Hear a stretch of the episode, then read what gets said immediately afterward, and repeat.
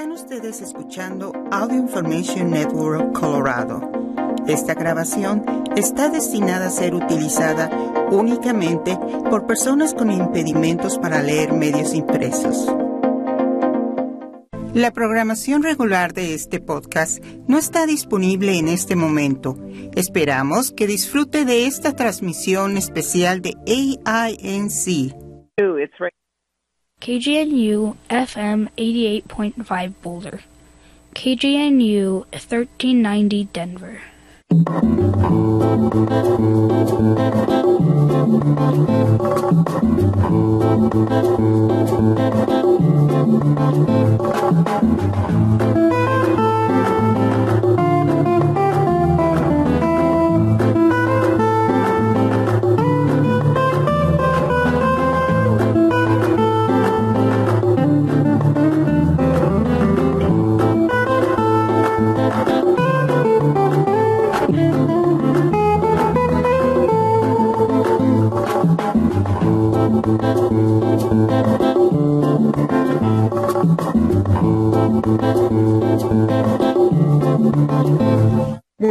Tardes, gracias por conectarse con KGNU en nuestro programa Pasa la Voz. Aquí estamos como todos los domingos y bueno, hoy tenemos de invitada a Ana María San Pedro. ¿Cómo estás, Ana María?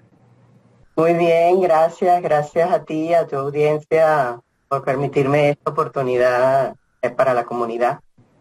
Sí, bienvenida. Tú sabes que, bueno, una de las misiones de Pasa la Voz es precisamente poder compartir con nuestra audiencia temas e información que a veces no llega por otras partes, ¿verdad? Entonces, bueno, y en su propio idioma. Entonces siempre me da gusto tener personas como tú que, que sé que, bueno, tienes años trabajando en muchas cosas y, ya vamos a, a saber este, específicamente qué nos traes para hoy. Pero para las personas que nos están escuchando y también, bueno, para mí misma, me gustaría que te presentaras y nos dijeras quién es Ana María San Pedro. Bueno, gracias, eh, Marianela. Este, bueno, soy Ana María San Pedro y soy también madre, tengo un hijo, soy esposa, soy hermana, soy este, de la comunidad, soy voluntaria en, muchas eh, fundaciones y organizaciones aquí de, de Lafayette y de Boulder. Y esto de voluntaria lo hago de hace muchísimos años, desde que tenía como 22 años. Soy de Venezuela, y empecé a ser voluntaria en Venezuela de, la Casa de, los Abuelos, que era una fundación que, era para las personas que estaban en los ancianatos, que nadie los visitaba. Y ahí empezó pues mi misión, pues, y después hicimos la Casa del Abuelo, que era en todas las mm, alcaldías. Había una Casa de los Abuelos y nosotros la íbamos, le celebrábamos sus cumpleaños, el Día de la Madre, la Navidad, el Padre, y le dábamos ese amor y ese cariño a esos abuelitos que los metían en esos ancianatos y los dejaban ahí de por vida. Y, y nosotros éramos como sus hijos y ahí recibí muchas bendiciones de todos estos abuelitos. Sin duda, sin duda. Y bueno, y bueno, primero gracias por hacer eso, porque yo creo que eso es una, primero que es un, un lugar donde todos vamos a llegar en algún momento en la vida y a veces nos olvidamos de, qué tan solos estas personas se sienten, ¿no? Y también me llama la atención porque, bueno, eh, voluntariado es algo que hacemos en Venezuela, pero no es tan común, ¿verdad? Eh, yo, aquí, aquí sí, aquí es bastante común y necesario, es necesario en todas partes, pero de verdad te agradezco mucho eso. ¿Y ahorita a qué te estás dedicando, Ana María? Bueno, para seguir con lo del voluntariado, después cuando llegué a Estados Unidos hace 23 años, empecé con un voluntariado también para traer los niños de cáncer eh, de Venezuela a Disney. Y les dábamos una semana gratis a los que habían pasado esos traumas tan grandes de esa enfermedad y que se habían recuperado, ese era su premio. Y ahí me dejaron muchas enseñanzas esos niños porque me decían, oh, si yo no hubiera tenido cáncer, yo no hubiera conocido Disney. Uy, eso me partía el corazón, pero es una, y sigo trabajando para ellos desde acá porque hago, eh, organizo eventos y eso con la gente de Orlando. Y cuando me vine hace ocho años para acá, para Lafayette, este, mi esposo me dijo, mira, hay una fundación que se llama Carmen. Y como yo toda la vida he trabajado para fundaciones de voluntarias, es como que mi misión en la vida.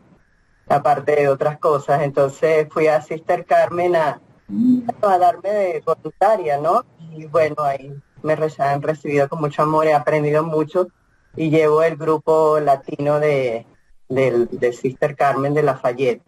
Y ya tengo seis años y bueno, también trabajo, a veces soy voluntario para SPAN, que es para las mujeres autistas. Eh, también muchas veces ustedes también el Centro de Amistad me llaman más para dar clases y de verdad que siempre he estado con la comunidad y, doy gracias aquí a la Fallea Boulder por haberme recibido y, y yo como digo, yo bajo perfil, pero hago mi trabajo de voluntaria y mi misión es ayudar y a empoderar y activar a las mujeres hispanas. Esa es realmente mi misión y, lo hago de corazón. Me encanta cuando me llaman a, a, pedirme que haga algo, yo ahí estoy. de Natural Kids, de los niños de la naturaleza, también les doy clases de aromoterapia, les enseño para relajarse. Bueno, como ves, estoy como que en todo, pero con mucho... Bueno, tiene Tienes muchos talentos, Ana María. Y bueno, y para las personas que nos están escuchando aquí en Pasa la Voz, este, quería comentarles también que el 23 de septiembre vamos a tener nuestra cumbre anual de mujeres, de mujeres que hablan español aquí en, la, en la Universidad de Colorado. Y bueno, vamos a seguir dando más detalles, pero las inscripciones ya están abiertas. Pueden ir a elcentroamistad.org y allí pueden buscar este, la cumbre y para que se inscriban en la cumbre de mujeres que va a estar, bueno, muy interesante como siempre.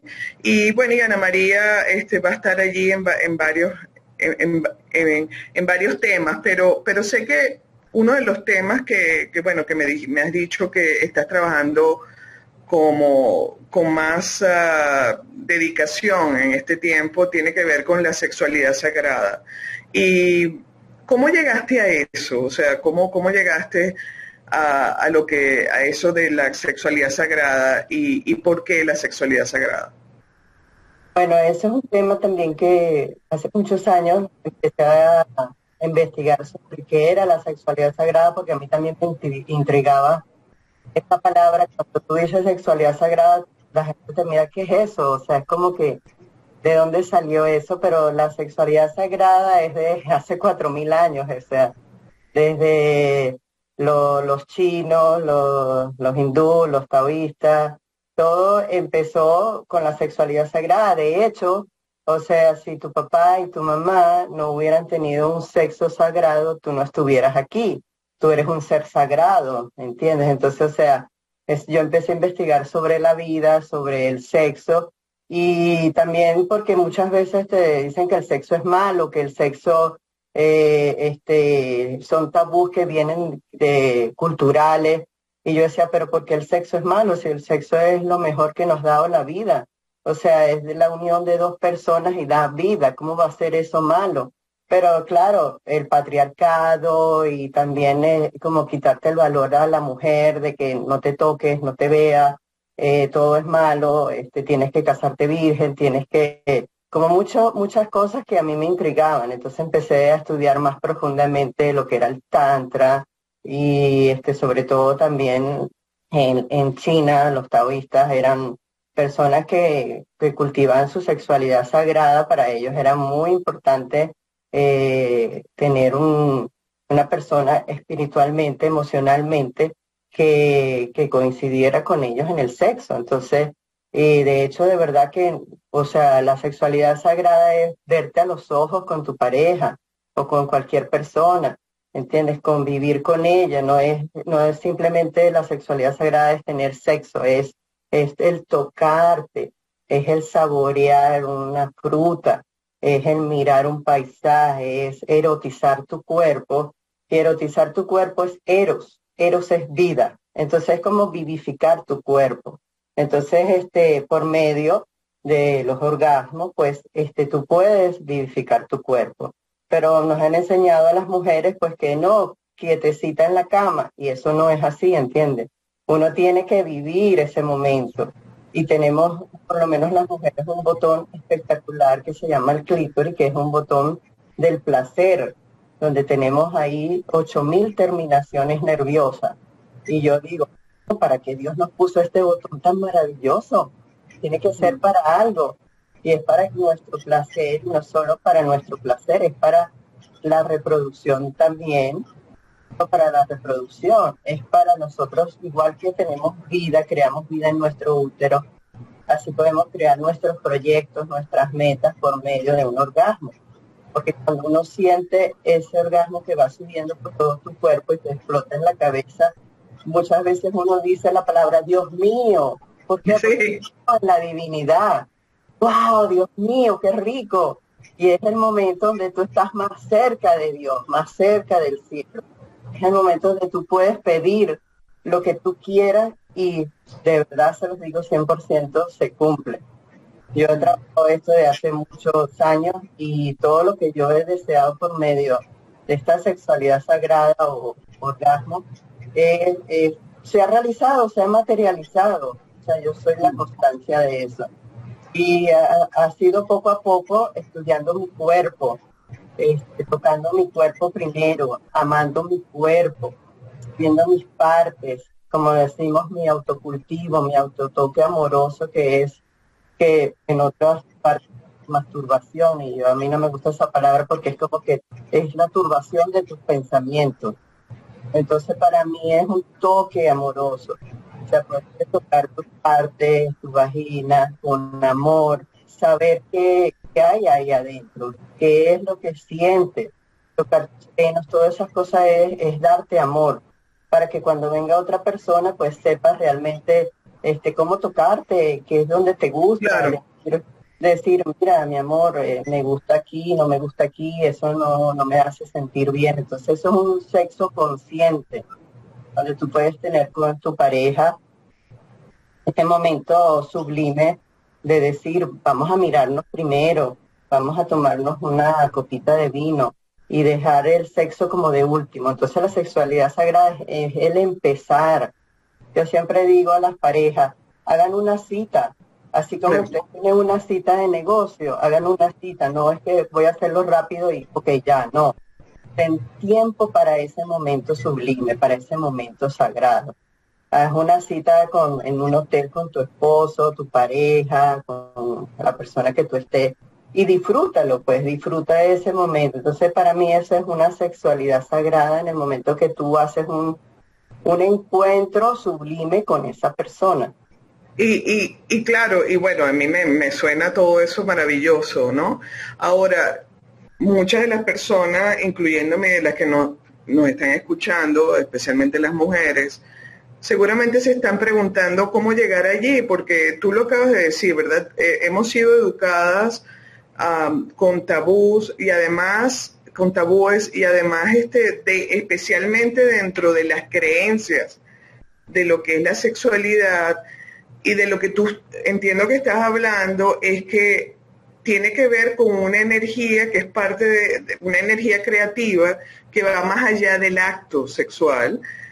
Pero también recordemos que, que llegar allí, o sea, hemos pasado por muchos traumas como mujeres, cosas que nos han dicho, y el sexo por mucho tiempo y todavía se ha asociado con reproducción, ¿no? O sea, con tener hijos.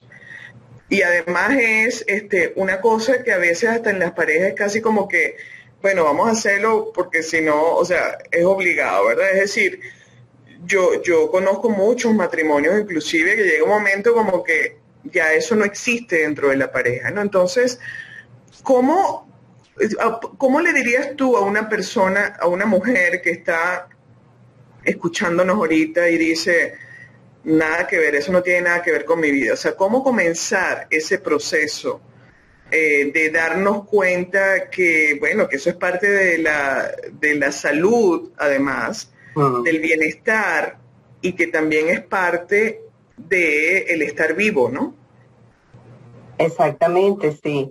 Yo digo primero empezarse uno a, a conocer uno mismo, a amarse uno mismo, a valorarse, a tocarse, a sentir tu cuerpo, a reconocer todas tus partes erógenas que tienes, porque muchas mujeres este, pues a veces me dicen, no, yo nunca me he tocado y le digo, ¿alguna vez te has visto tu vulva? no, y abren los ojos así como que no, le digo, pero eso es parte de tu cuerpo, eso es como tu mano, tu pie, o sea, no tengas miedo porque ahí no va a pasar nada, realmente es un lugar maravilloso donde tú puedes empezar a reconocerte, a sentir, a sentir tu cuerpo, tu cintura, tus caderas, bailando, moviendo las caderas, o sea, viéndote en un espejo, yo digo que ahí en la ducha, que es un sitio íntimo, tú em, puedes empezar a reconocer tu cuerpo. Yo doy talleres de sexualidad sagrada y también a les enseño eh, un masaje venado, que es un masaje especial para los senos, para activar tu cuerpo.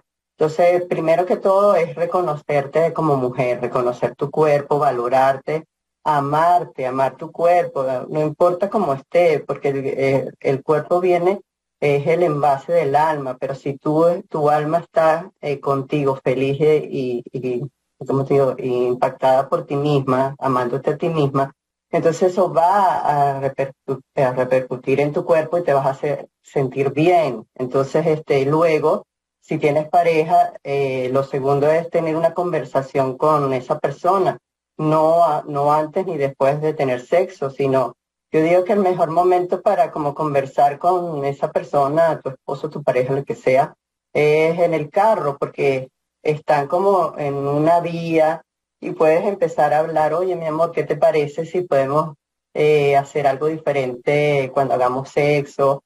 O ir a un restaurante donde van a estar rodeados de gente, entonces como que unirse ellos dos, mirarse a los ojos y empezar a hablar de ese tema.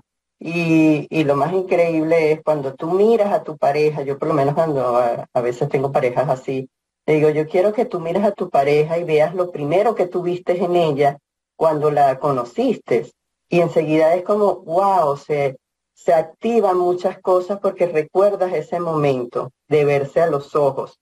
Uno de los ejercicios que hago en mis talleres es que las personas se vean a los ojos y vean la profundidad. Porque tú cuando ves a los ojos es, increíble. Ahora no nos vemos a los ojos, primero porque no tenemos tiempo y segundo porque estamos en un teléfono. Entonces no tenemos ese tiempo de mirarnos, de mirar y saber qué es lo que hay dentro de, de nosotros. Saber qué te gusta, qué no te gusta, porque hay parejas, hay muchas veces que pasan años y por lo menos la mujer nunca le dice nada al hombre cómo le gustaría, qué le gustaría que la toque, cómo le, cómo le gustaría que la tocara, qué, qué ambiente le gustaría. Entonces por eso yo digo que, que eh, un reencuentro amoroso, sexualmente íntimo, es hacer como una cita. O sea, vamos a, esta noche nos vamos a ver y vamos a tener, acuérdense que tenemos niños y todo eso, entonces tratar de que ese día, pues dejar el niño con su abuelita, con alguien, para ellos poder tener esa tranquilidad y ese reencuentro, cosa que la mayoría de las personas no hacen, pues ellos llegan en la noche, hacen su sexo, lo pasan un ratito bien, pero realmente no quedan llenos, pues porque no es esa intimidad ni esa cordialidad de que me gustaría esto, vamos a inventar esto, hay este juguetico, hay cosas de eso, que muchas veces las mujeres no dicen porque son, como digo yo, educastradas. ¿Cómo le voy a decir yo a mi esposo que yo quiero un juguetico? Y el esposo, si la mujer le dice eso, va a decir, ¿dónde tú aprendiste eso? Y sí, y eso, y eso te iba a decir, porque nuevamente, o sea, para llegar a ese nivel, estamos hablando de muchos pasos anteriores donde inclusive, y bueno, y cuando hablamos de pareja estamos refiriéndonos a cualquier ah, decisión de pareja que tenga la persona, ¿no? En cuanto a sus eh, géneros, preferencias, etcétera. Ah, pero, pero claro, lo que entiendo es que, o sea, hay un, un nivel, como te decía, de creencias más profundos donde ni siquiera hablamos, o sea, donde no hay intimidad en las relaciones, ¿verdad? Eh, y yo, porque para mí la intimidad tiene que ver con eso que tú estás diciendo, con esa conexión que va más allá de lo físico, ¿no? y que inclusive donde la palabra sagrado, aunque suene un poco, no sé, que puede tener una connotación, bueno, que de hecho es una connotación espiritual, lo que entiendo es que estamos dándole eh, el espacio y la importancia a una, un área de nuestras vidas que, que totalmente nos, no, no, le damos ninguna, ningún puesto de importancia, ¿no? sino que es algo como en la lista de las cosas que tengo que hacer.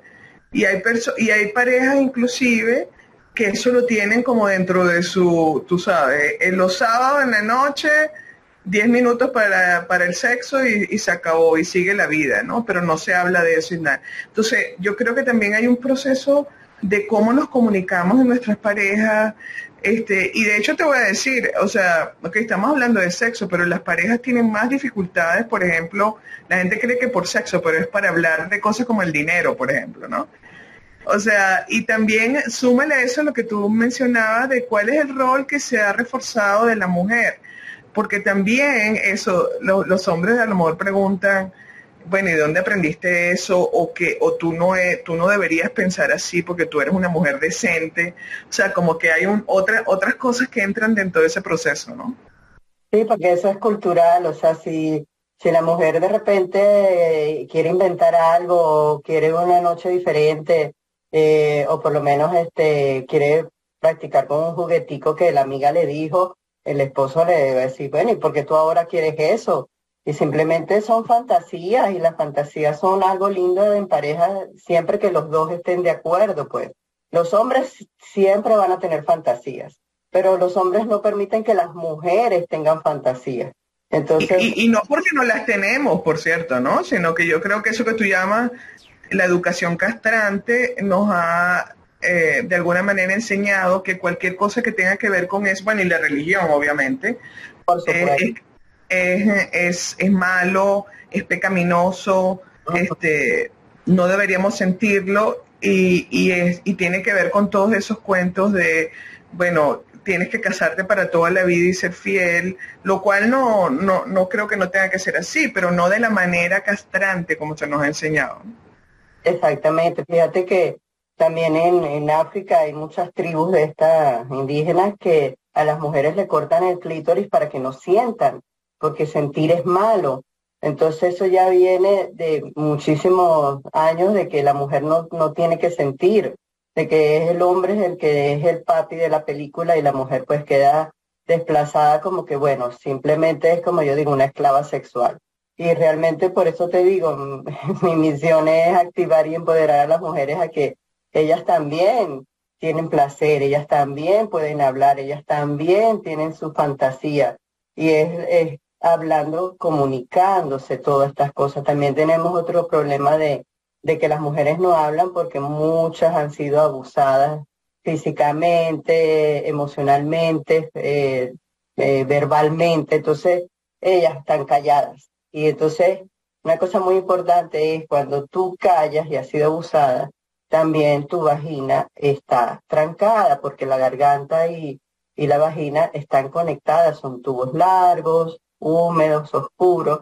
Entonces todo lo que es arriba es abajo, de, o sea, de la cintura para arriba es lo mismo de la cintura para abajo. Entonces cuando una mujer ha sido abusada, está callada, ¿Y qué pasa? No tiene buenas relaciones sexuales, este, muchas le duele, le molesta y eso porque no han podido expresar.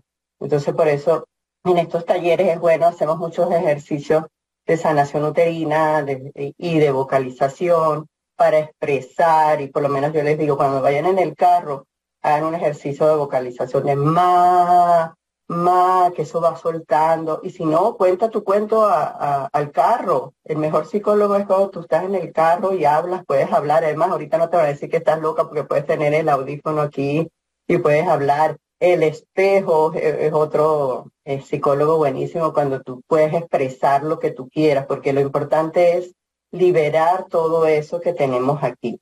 Por eso fíjate que muchas mujeres que se divorcian, se quedan solas, eh, son infieles o algo, tienen problemas en el útero, en los ovarios y en los senos, cáncer, todas esas cosas, porque el cáncer es una de esas enfermedades emocionales que no han podido expresar, no han podido salir. Entonces el cuerpo es un órgano vivo, increíble, que es el que explota y dice, bueno, y te va avisando, te va diciendo, mira, tienes esto, tienes lo otro. Pero claro, los doctores, hay muchos doctores que trabajan la parte física y la emocional pero no todos, pues esos son los doctores holísticos. Pero como yo digo, o sea, muchas de las enfermedades y muchos de los traumas que tienen las mujeres están en nuestro cuerpo y son eh, emociones bloqueadas que hemos tenido. y sobre todo las mujeres que han sido abusadas. Entonces, por eso te digo, no hablan, no dicen nada. Entonces, el marido les puede decir todo y ellas calladitas no dicen nada. Y tienen los mismos deseos que nosotros, fantasías, todo. Miedo. Otra cosa es el miedo que tienen que el marido las deje porque les dijo, les dice, no, quisiera tener una noche contigo. De hecho, yo tengo una una clienta que ella lo que quería era salir con su esposo en la noche, divertirse, y el esposo era obsesionado en los niños, y el, esposo le decía, pero ¿por qué tú quieres que vayamos solo? Podemos ir con los niños. Y ella decía, no, yo quiero tener una noche sola contigo, disfrutar nuestro amor, nuestro sexo solo. Y él nunca quiso, a la final ella lo dejó, pero o sea, ella tenía sus fantasías y él pues no, era nada más que cuando llegaba a la cama y ya y las mujeres ahora quieren otra cosa, quieren eh, explotar y sentir eh, todas esas emociones. Bueno, y, la otra cosa es que eh, lo vemos mucho, yo también lo veo en mi práctica, que a veces este, llegamos a una edad como mujeres que, que ya tuvimos hijos, etcétera, y es como que ya, o sea, allí está como, inclusive eh, bueno, ni contarte lo que pasa durante la menopausia y, menopausia y después de la menopausia.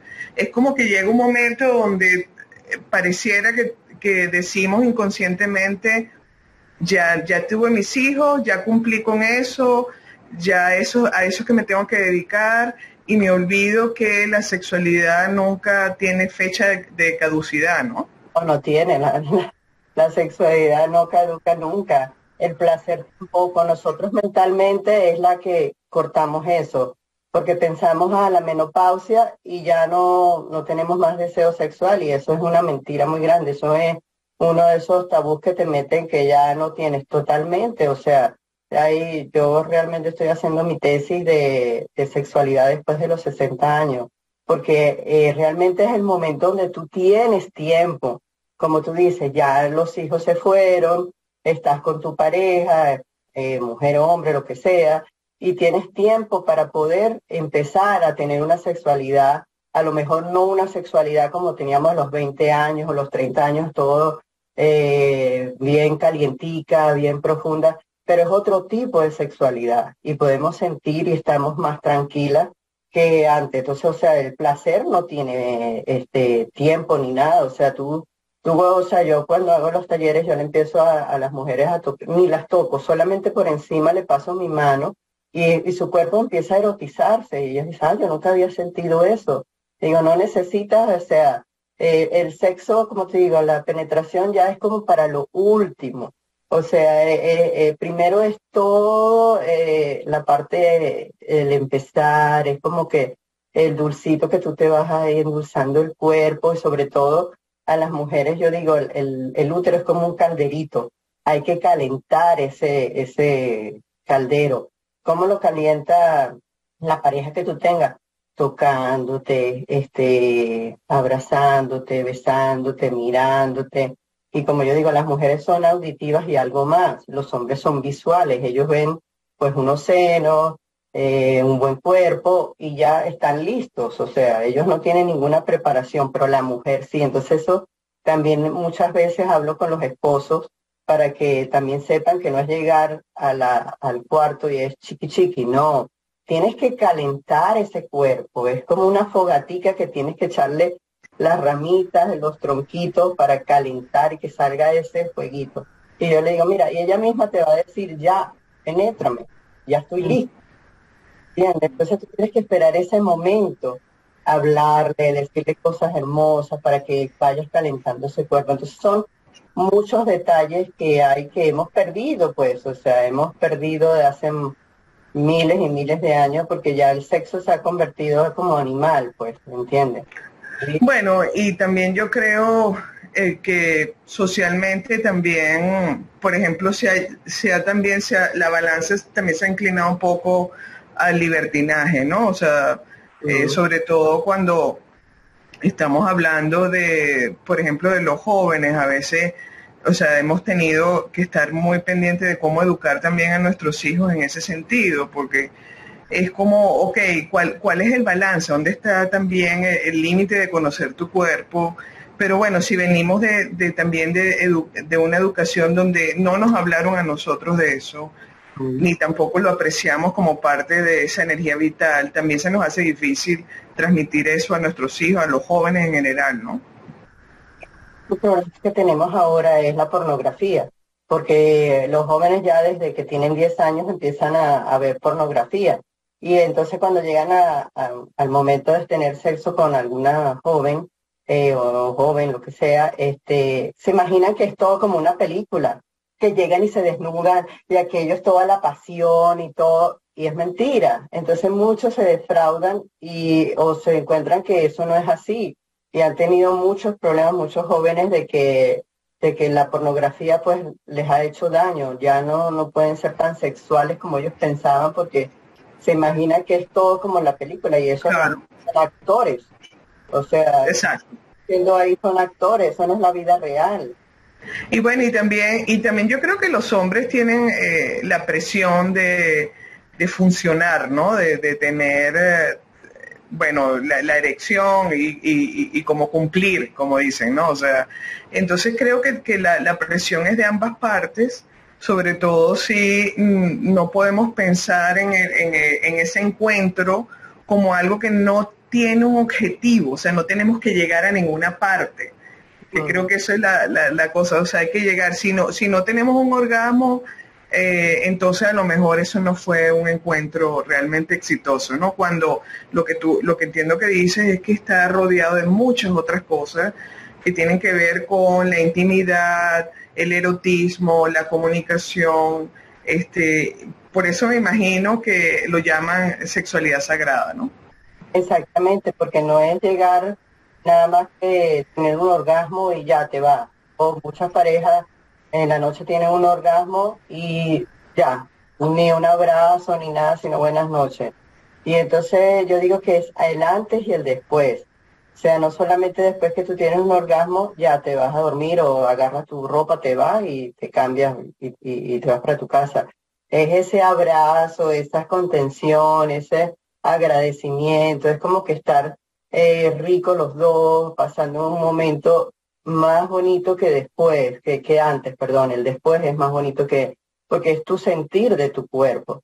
Entonces son las cosas que deberíamos como que aprender y yo también a, este, a veces doy clases, no clases, sino a los jóvenes también les explico un poquito de esa parte de, de, la sexualidad para que se cuiden y que, y que por lo menos si van a tener sexo, eh, con alguna joven, que esa joven tenga un estándar bien alto de lo que es ese primer momento sexual con una pareja, con una persona. Pero, porque los padres nunca le van a hablar de eso.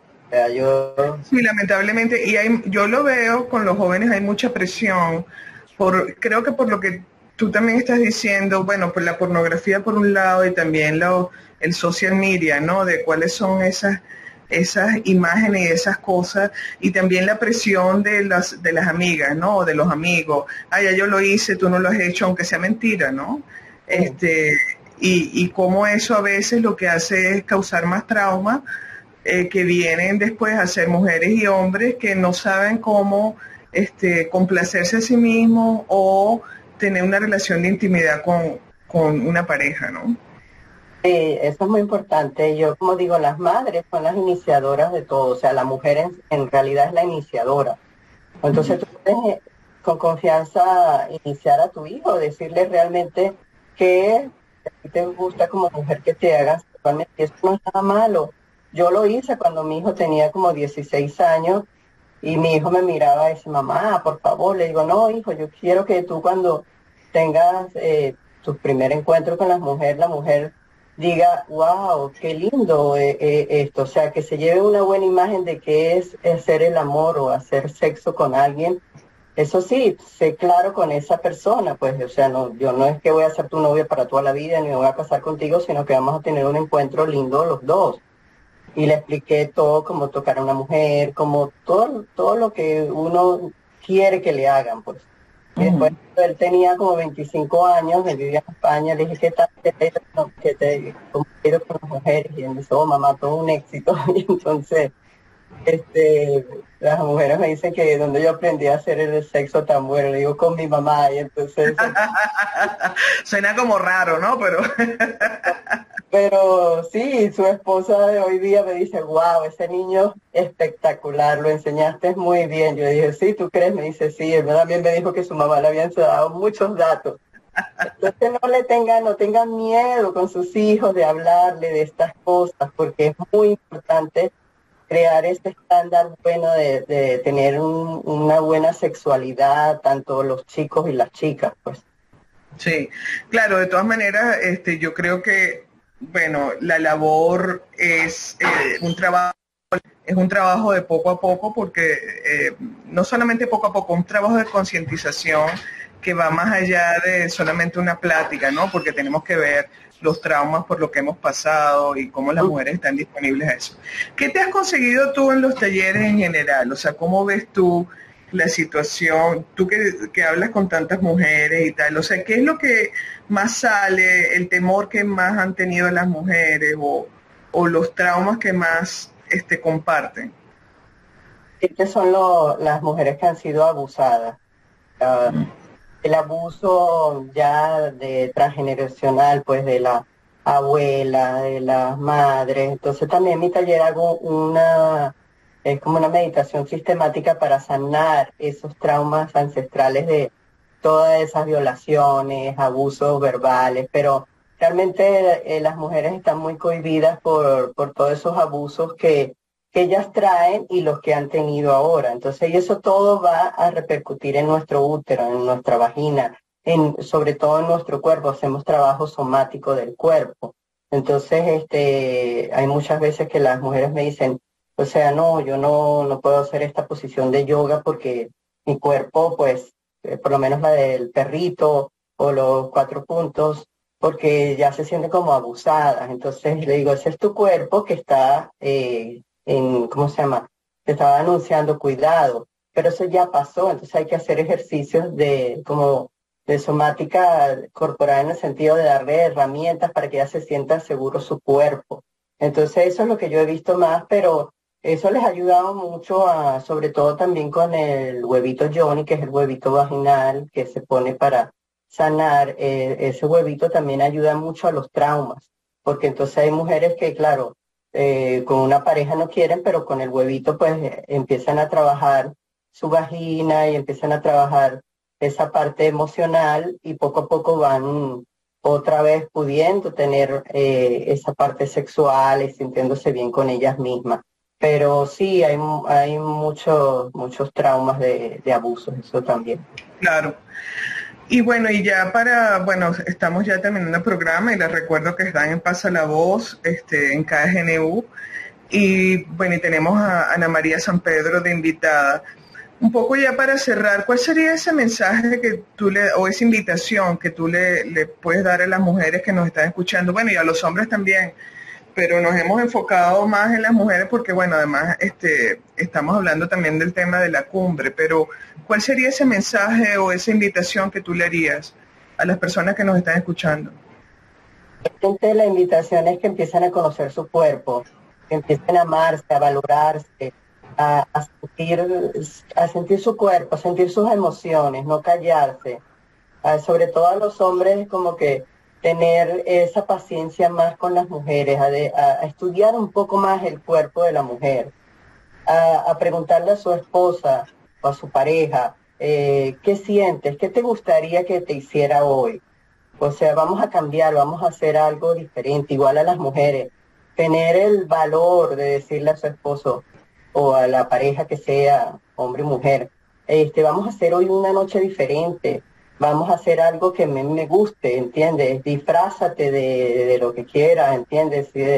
quiero ser hoy una teenager, entonces quiero ser una enfermera o un enfermero, quiero eh, hacer mis fantasías, hagan sus fantasías, porque la fantasía libera muchas cosas y hace eh, esa intimidad, ese sexo sagrado, ese como esa complicidad entre la pareja, en que este, ese día desde la mañana vamos a inventar algo y en la noche estoy yo como que esperando ese momento para poder realizar ese momento sagrado. Entonces eso es lo que yo les aconsejo, que empiecen a hablar, a decir su fantasía, no tengan miedo, eso no es malo, realmente, eh, o sea, el sexo es algo maravilloso para nuestro cuerpo, para las hormonas, para los músculos, la circulación, las emociones. Entonces vivan, eroticen su cuerpo, sean eros, sean los agentes de vida para su familia. Ese es mi consejo para ellos y para ellas. Bueno, y, muchas gracias Ana María San Pedro por haber estado en nuestro programa. Eh, y les recuerdo nuevamente que la cumbre de mujeres va a ser el 23 de septiembre aquí en Boulder, Colorado, en la Universidad de Colorado eh, en CU. Y, bueno, vamos a tener temas este, como el que acaba de plantear Ana María y otros temas que seguramente les van a interesar y vamos a seguir conversando sobre los distintos temas. Y bueno, te agradezco mucho, Ana María. Yo sé que este, este es un tema que da para muchos más programas, así que ya estaremos pendientes para, conversar y también para las otras cosas que, tú haces. Así que muchísimas gracias por haber estado en nuestro programa. Y para las personas que nos están escuchando, recuerde que están en Pasa la Voz a través de KGNU, Boulder, Denver y Fort Collins por la frecuencia 88.5 FM y la 1390 AM. Si les gustó este programa, pasa la voz.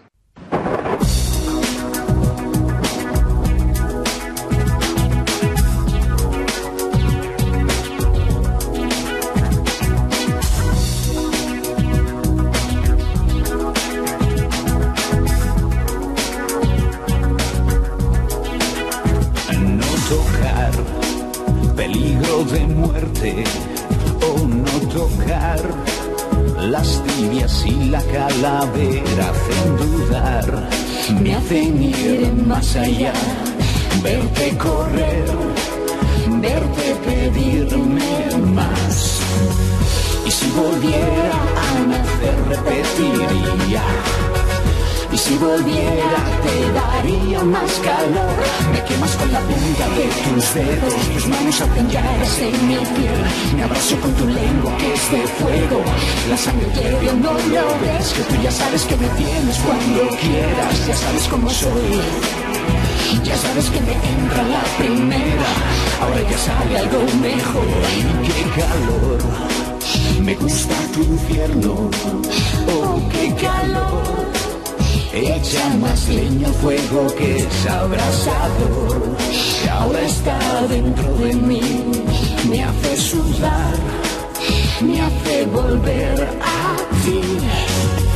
Y si volviera a nacer repetiría y si volviera pediría más calor. Me quemas con la punta de tus dedos Tus manos hacen llagas en mi piel. Me abrazo con tu lengua que es de fuego. La sangre hierve o no lo ves Que tú ya sabes que me tienes cuando quieras. Ya sabes cómo soy. Ya sabes que me entra la primera, ahora me sale algo mejor. Me haces tanto bien, me haces tanto bien me haces tanto bien. Na na na na na, na na na na na, na na na na na. Enséñame a bajar tu cremallera, ya sabes dónde voy. Ya sabes que he pasado la frontera, arrancando algún botón que tú ya sabes que te pido más madera y te pidas más nivel. Ya sabes cómo mantener la hoguera, ya sabes cómo sabe ya mi piel, que tú me quemas con la punta de tus dedos, tus manos en mi piel. Me quemas con tu lengua que es de fuego, la sangre hierve, no lo ves, que tú ya sabes que me tienes cuando quieras, ya sabes cómo soy. Ya sabes que me entra la primera, ahora me sale algo mejor. Me haces tanto bien me haces tanto bien, me haces tanto bien. Me haces tanto bien, me haces tanto bien, me haces tanto bien. Na na na na na, na na na na na, na na na na na. Na na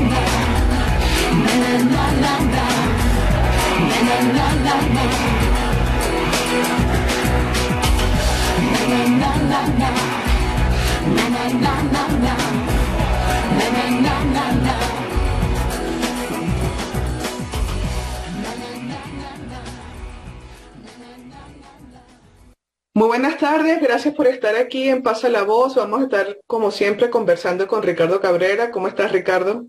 Muy bien. Nela, ¿cómo has estado? Gusto verte otra vez. Igualmente, estamos aquí como siempre con nuestro segmento de finanzas y bueno, hoy vamos a hablar de finanzas y más. Las otras veces que nos hemos, este, que hemos conversado, hemos conversado también sobre lo que son las finanzas personales. Pero ampliando un poco el, el, tema, este, estás trayendo algo que creo que igual es importante que conversemos. Así que bueno, ¿qué nos traes para hoy?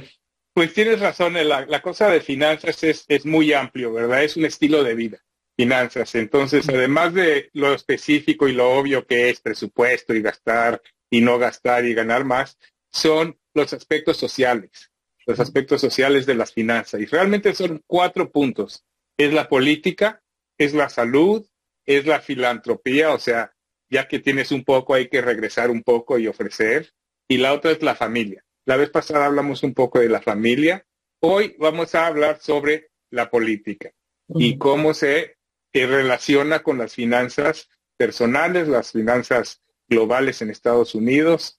Y este, y, déjame empezar con comentarles que yo personalmente soy la persona menos política en la historia de todas las personas. No sigo la política, me estresa.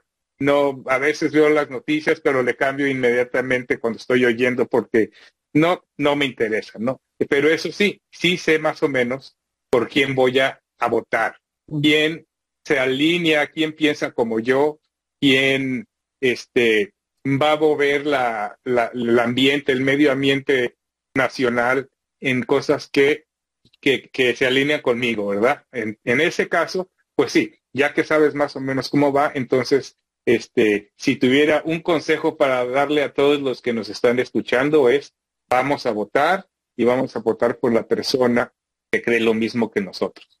¿Por qué? Este, porque la política influencia casi todo lo que vemos todos los días en, nuestro, en nuestra vida cotidiana.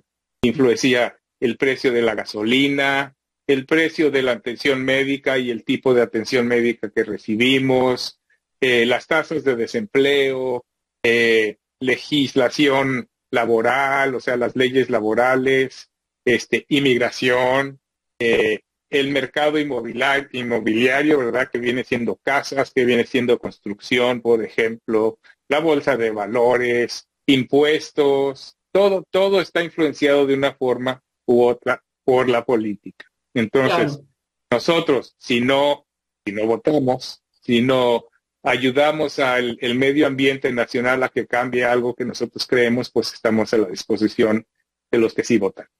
Claro, y quizás Ricardo, em, y especialmente para las personas que nos están escuchando, también sabemos que hay personas que no pueden votar por distintas razones, por sus estatus migratorios, etcétera.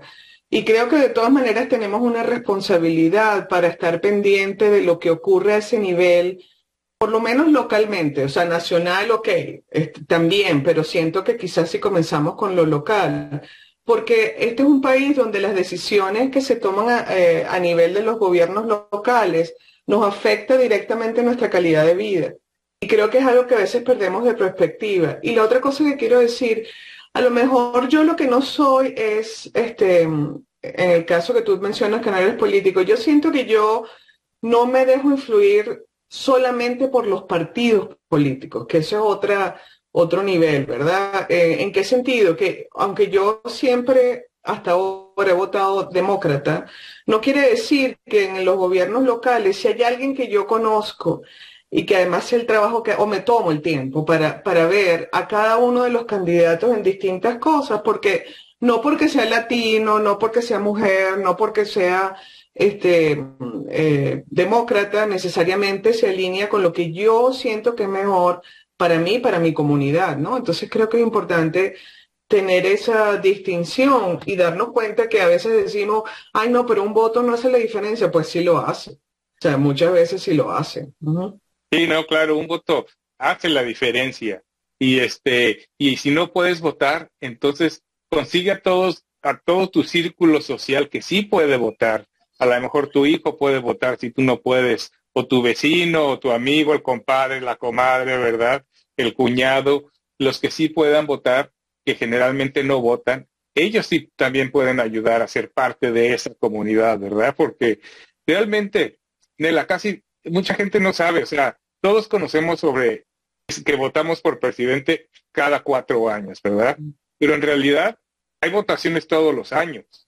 Hay votaciones, la, la presidencial es cada cuatro años, la de los senadores y los gobernadores es cada dos años, pero todos los locales y los estatales son cada año. Imagínate que votamos no solo por los representantes, pero si votamos por el sheriff, votamos por los jueces, votamos por toda la gente que influencia acciones cotidianas. Este, y esas son las personas que realmente afectan, nos afectan muy localmente. O sea, esos cambios pueden pasar casi de año a año a año, ¿verdad? Este, uno vota por los comisionados en tu ciudad, en, en Longmont, en Boulder, en Lafayette, en Louisville. estamos hablando de, de, tu ciudad. Este, igual que por los cherries, igual que, o sea, todo ya lo comentamos, ¿verdad? Este, y esos son los que realmente cuentan, este, y cerquita. Los nacionales, ok, a lo mejor eres uno de 30 millones, de 300 millones que estás votando, pero localmente eres uno de, de 100 mil, es uno de 50 mil. Inclusive, fíjate que ahorita conversando contigo mm, me acabo de dar cuenta que inclusive el llamado más que, bueno, votar sin duda, pero es participar, porque fíjate que hace como un mes tuve la oportunidad de ir a, a una de esas reuniones del condado, de los comisionados, que son además públicas, la gran mayoría, salvo que estén puertas cerradas, pero son este, puertas abiertas tanto de, la ciudad, de las ciudades como del condado. Y particularmente aquí en el condado de Boulder, les recuerdo que tenemos a una comisionada que es latina, que, este, que es Marta Lochamín, y ella, este, estábamos, eh, fui porque llega un grupo de estudiantes latinos y ella lo que decía es, bueno, a veces convenir aquí, hacer presencia y traer a conversación problemas que ustedes ven en la comunidad que nosotros a veces no vemos, ya eso es parte de lo que se puede llevar a votación, a, a consideración a otros niveles, ¿no? Porque claro, no todo lo resuelven ellos, pero tienen acceso a, hacer este, la política legislativa, que también es importante que consideremos. Entonces yo creo que la participación, y como tú decías, eh, afecta el día a día. Por ejemplo, ahorita tenemos esto de que nos subieron los impuestos de las viviendas. Ajá. Y bastante. O sea, no estamos hablando de, dos, como decimos en Venezuela, de dos lochas, ¿no? De dos pesos.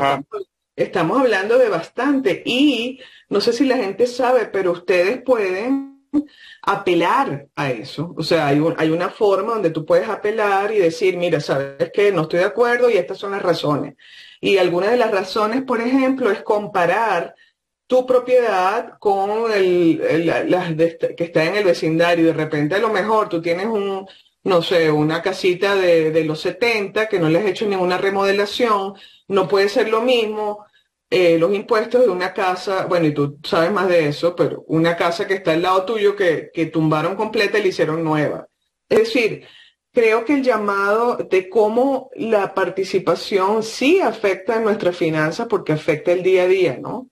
Y, y, después entonces no nos damos cuenta, ay, pero ¿cuándo pasó eso? Bueno, pero se, se, se promovió, pidieron opinión y tal, pero nunca te enteraste porque no participas, ¿no? Bueno, y es parte del, del saber que, que existe esa participación. O sea, por ejemplo, hablando de los comisionados, se juntan todas las semanas y son abiertas al público. Es, y no todas, hay una que está cerrada y una abierta. Y una, el, condado, las ciudades, esas también se juntan cada semana.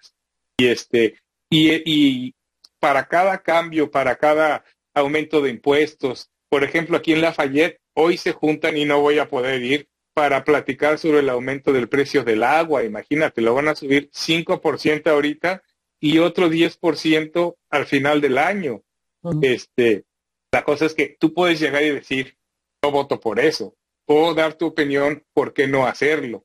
Y este, y realmente escuchan, o sea, Estados Unidos es otra de las, de, de los beneficios de vivir en este país. Es, es completamente abierto y transparente. Tienes la, tu oportunidad de, de compartir tu opinión y solo hay que saber cómo, cuándo y en dónde y a qué horas, porque se te pasa y pues ya, ya, o sea, quejarse ya no sirve de nada, ya que pasó el cambio, ¿no? Este, la cosa es saber en dónde puedes ir a escuchar. Eh, en todos estos cambios que hay, este, hay notificaciones. Te llega algo por correo, igual que con las casas. En, en, febrero, creo que en febrero o marzo llegaron unas tarjetas portales. Yo acabo de tirar la mía porque sí puse mi apelación mm. al precio de los impuestos de la casa. Este, y te dan hasta el 8 de junio, o sea, en dos días, este, hoy estamos a 6 de junio, este, se cierra la el tiempo de apelación. Claro, es una otra forma en la que se representa el país de, oportunidades, ¿verdad? El sueño americano es que sí, hay muchos beneficios y sí tenemos la, opción de opinar este, y de que nos escuchen nuestros representantes. Eso es importante saber, o sea, ahorita estamos hablando de, agua, por ejemplo, de bienes raíces, pero lo mismo pasa con, con, con este, casos, con cosas médicas, ¿verdad? Con cosas de otro estilo de política, otros tipos de avenidas de la política que existen en este país.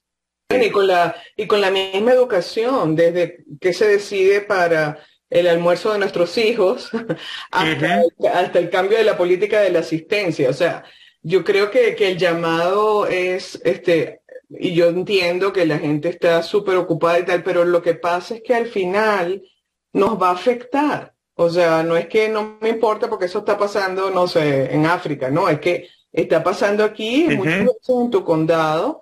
Y, y fíjate que inclusive cosas que pasan en otras ciudades como ahorita Denver va a terminar, que ha sido una guerra prácticamente la elección de la, del mayor de Denver. Ah, ¿Cómo le dices al mayor del...? no sé. Ahorita le preguntamos al teléfono. Después le preguntamos. Pero, pero, eh, o sea, yo le he seguido un poco porque aunque es en Denver, de todas maneras afecta el, inclusive lo que es el ambiente político de, de otras ciudades, ¿no? Entonces, ah, pensando un poco que hemos pasado tiempo hablando de las finanzas personales, Creo que esto es un nivel donde no habíamos conversado, pero que también tenemos que empezar a observar, o sea, cómo estamos de alguna forma este, abogando o no por lo que son los impactos financieros a nivel local en este caso, ¿no? Y se dice el alcalde. El alcalde, el alcalde. El alcalde es en español, ajá. Imagínate tú, el alcalde. Sí, no, claro, o sea, e, e, este tema es bien importante porque este, tenemos la opción de opinar. O sea, ahorita que estabas comentando, se me ocurrió, también votamos por el distrito escolar. Sí. Que también votamos por muchas cosas y, y la cosa es, hay que salir a votar. Hay que salir a votar porque si no, si no decidimos nosotros, alguien más va a decidir por nosotros y este, este, y es casi, casi una de nuestras responsabilidades sociales. Es casi, casi decir, ¿sabes qué? Es mi responsabilidad ser un buen ciudadano y parte de eso es expresar mi opinión, estar en desacuerdo civilmente, ¿verdad?